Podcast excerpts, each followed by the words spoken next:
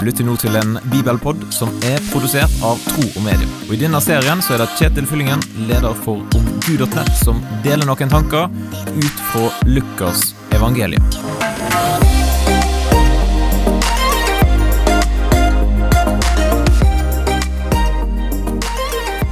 Har du prøvd å innføre noe nytt, eller kommet med forslag på endringer i en eller annen sammenheng, og blitt møtt med 'ja, men vi har jo alltid gjort det sånn'? Det kan være vanskelig å få gjennomslag for nye ideer. Å bryte ut av gamle mønster eller båser som en har blitt eh, plassert i. I dagens bibelpodtekst fra evangeliet etter Lukas, kapittel 1, vers 59-63, der får vi et eksempel på noen som gjør noe helt nytt, og vi ser hva reaksjoner de får.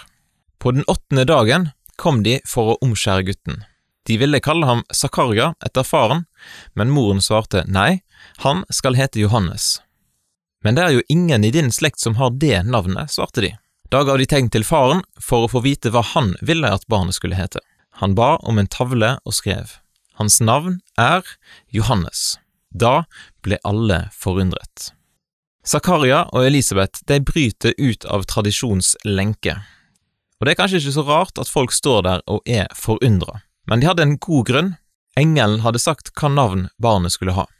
Derfor var det ikke tradisjonen og forventningene til de rundt som fikk lov til å bestemme. Identiteten til Johannes, den var gitt han av Gud. Vi kan òg la oss styre av forventningene til de rundt oss, gå i tradisjonens fastlagte fotspor. Eller vi kan lytte til hva Gud har å si om oss og til oss, og la Gud bestemme retningen. Han har nemlig noen ferdiglagte gjerninger for hver enkelt av oss som han vil at vi skal gå inn i. Og da kan det jo godt være at noen står igjen ganske forundra over de valgene som jeg tar.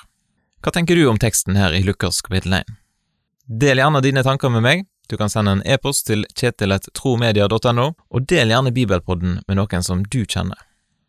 Da ønsker jeg deg en fin dag, og så poddes vi plutselig igjen.